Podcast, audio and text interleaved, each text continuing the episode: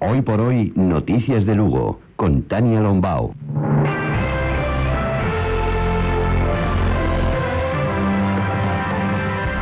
Moi bons días, nova cita informativa desta mañá coas noticias de Lugo e a súa provincia en Hoy por Hoy na cadena SER.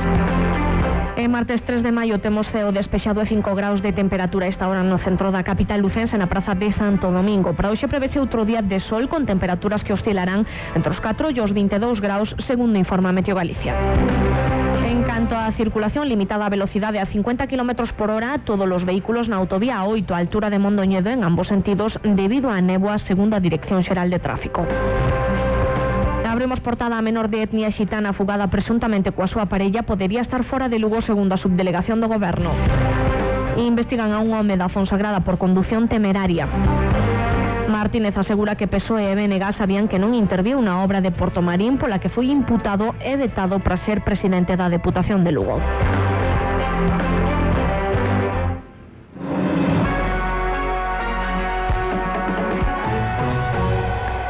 8 e 52 o subdelegado do Goberno en Lugo, Ramón Carballo, afirmou onte que polo momento non se avanzou na investigación que se segue pola desaparición dunha menor de etnia xitana de 15 anos que se fugou presuntamente coa súa parella doutra familia xitana de 17 anos. Carballo concretou que as forzas e corpos de seguridade, non só a Policía Nacional, senón que tamén a Garda Civil, continúan tratando de localizar a esta menor de idade. Dito isto, confirmou que tanto Policía como Garda Civil non teñen constancia de que a menor estea na nosa provincia. Forzas e corpos De Seguridade, non só a Policía Nacional, sino tamén a Guardia Civil, pois sigue tratando de localizar a, a esta rapaza menor de edade. Ante unha posible guerra de clans entre estas familias, Ramón Carballo precisou que tanto a Policía como a Garda Civil están en alerta ante posibles roces ou enfrontamentos. Na páxina de sucesos, o Grupo de Investigación e Análise de Tráfico do Subsector de Tráfico de Lugo imputou condución temeraria un rapaz veciño da Fonsagrada investigado tras descubrir en YouTube vídeos con carreiras e manobras temerarias. Segundo informa o Instituto Armado, en concreto, a investigación comezou a raíz do descubrimento dunha serie de vídeos aloxados neste portal web dentro dun perfil que posteriormente se puido saber correspondía a este veciño da Fonsagrada. Os vídeos aloxados no perfil, segundo explican esas fontes, foron grabados entre os anos 2009 e 2014 neles vense vehículos de varios tipos competindo entre sí e realizando manobras temerarias por vías dos municipios de Lugo a Pontenova e a Fonsagrada. 8 e 54 o deputado non adscrito na Deputación de Lugo e alcalde de Becerrea Manuel Martínez asegurou ante en rolda de prensa que tanto o PSOE como o BNG sabían que non interviu na obra de Porto Marín pola que foi imputado en 2013 e agora desimputado tras o arquivo definitivo da causa e apartado tamén da candidatura para presidir a Deputación de Lugo o 24 de xuño do ano pasado. Martínez exhibindo ademais un pinco logotipo, co antigo logotipo do PSOE comparecía nunha multitudinaria rolda de prensa no Hotel Méndez Núñez, posto que se lle denegou un local no Pazo San Marcos. Ademais, daba conta de que a documentación que se trasladou ao xulgado se lle remetiu naquel momento ao BNG e logo de analizalo con especialistas xurídicos do seu entorno, tanto en Lugo como en Santiago, todos concluían que non había motivo algún para que esa imputación tivese consecuencias. E que esta imputación foi a base sobre a que impuxo o veto o BNG para non aceptar a candidatura á presidencia da Deputación de Lugo de Martínez. Tanto por parte del bloque nacionalista galego como por parte del Partido Socialista del Grupo Provincial, sabían que Manolo Martínez no había tenido ningún tipo de intervención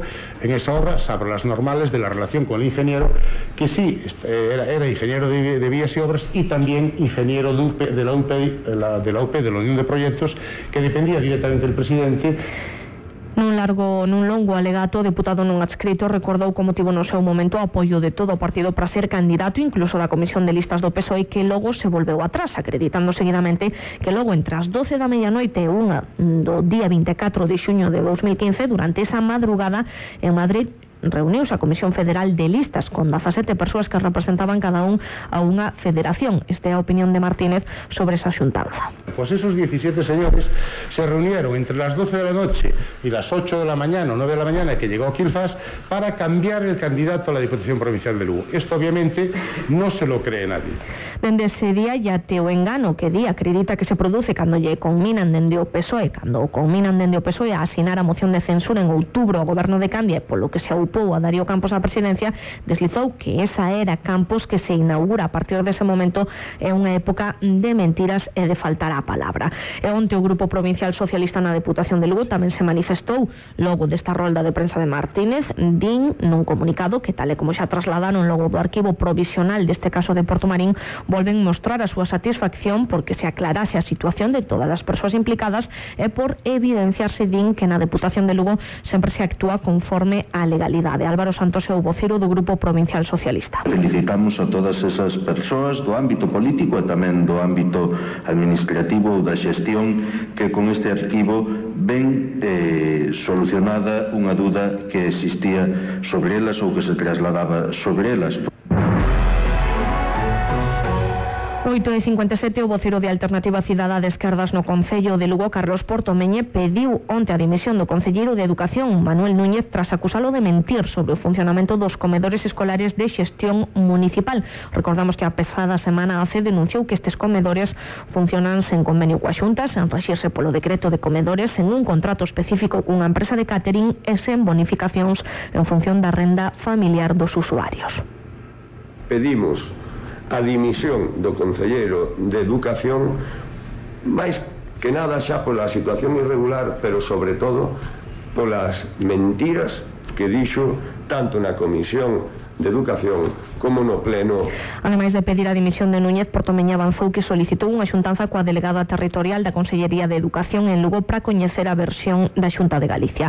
E o Concelleiro de Educación, Manuel Núñez, xa respondeu a Portomeña para recriminarlle que se apunta con facilidade aos fogos de artificio. Ademais, instouno a elixir entre pedir a súa dimisión ou a instalo a comparecer no Pleno, como fixo nos pasados días.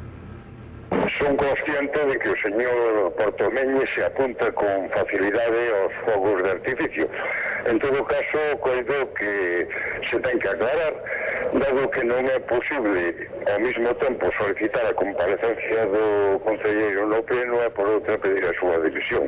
Un apuntamento, a 44ª edición da Semana de Música do Corpus celebrarase do 14 de maio ao 11 de xuño no Mil, o Círculo das Artes e a Casa dos Saberas. E o anunciou onte a Concelleira de Cultura Carmen Basadre, o representante da Sociedade Filarmónica de Lugo, José Luis Díaz, e o director do Festival de Órgano Luis Varela. Escoitamos a Carmen Basadra, Concelleira de Cultura presentar esta nova edición do Festival de Música Cidade de Lugo a Semana do Músico do Corpus que eh, ademais xa como é o terceiro ano tamén eh, o terceiro Festival Internacional de Órgano 8.59 marchamos xa coa xenda do día. Hoxe hai feira en Becerrea e Castro de Rei de Lemos. No plano da cultura e ocio ás 11.30 charla sobre os refuxiados de Tinduf a cargo de Jorge Rodríguez na Facultade de Humanidades. Ás 8 o escritor Lois Dieguez ofrece a charla diario de viaxe polas terras de Romanía na Deputación. Ás 8.30 concerto de Gece Sus no marco do 8 sons creativos na Casa do Saber. E como cada martes ás 5 abre o mercado da terra de produtos ecolóxicos no mercado Quiroga Ballesteros. Continúa tamén Lugo Máxico con actividades de rúa e unha gala ás 9 no mesón do forno. Ceo despexado e 5 graus continúa hoy por hoy aquí na Serra.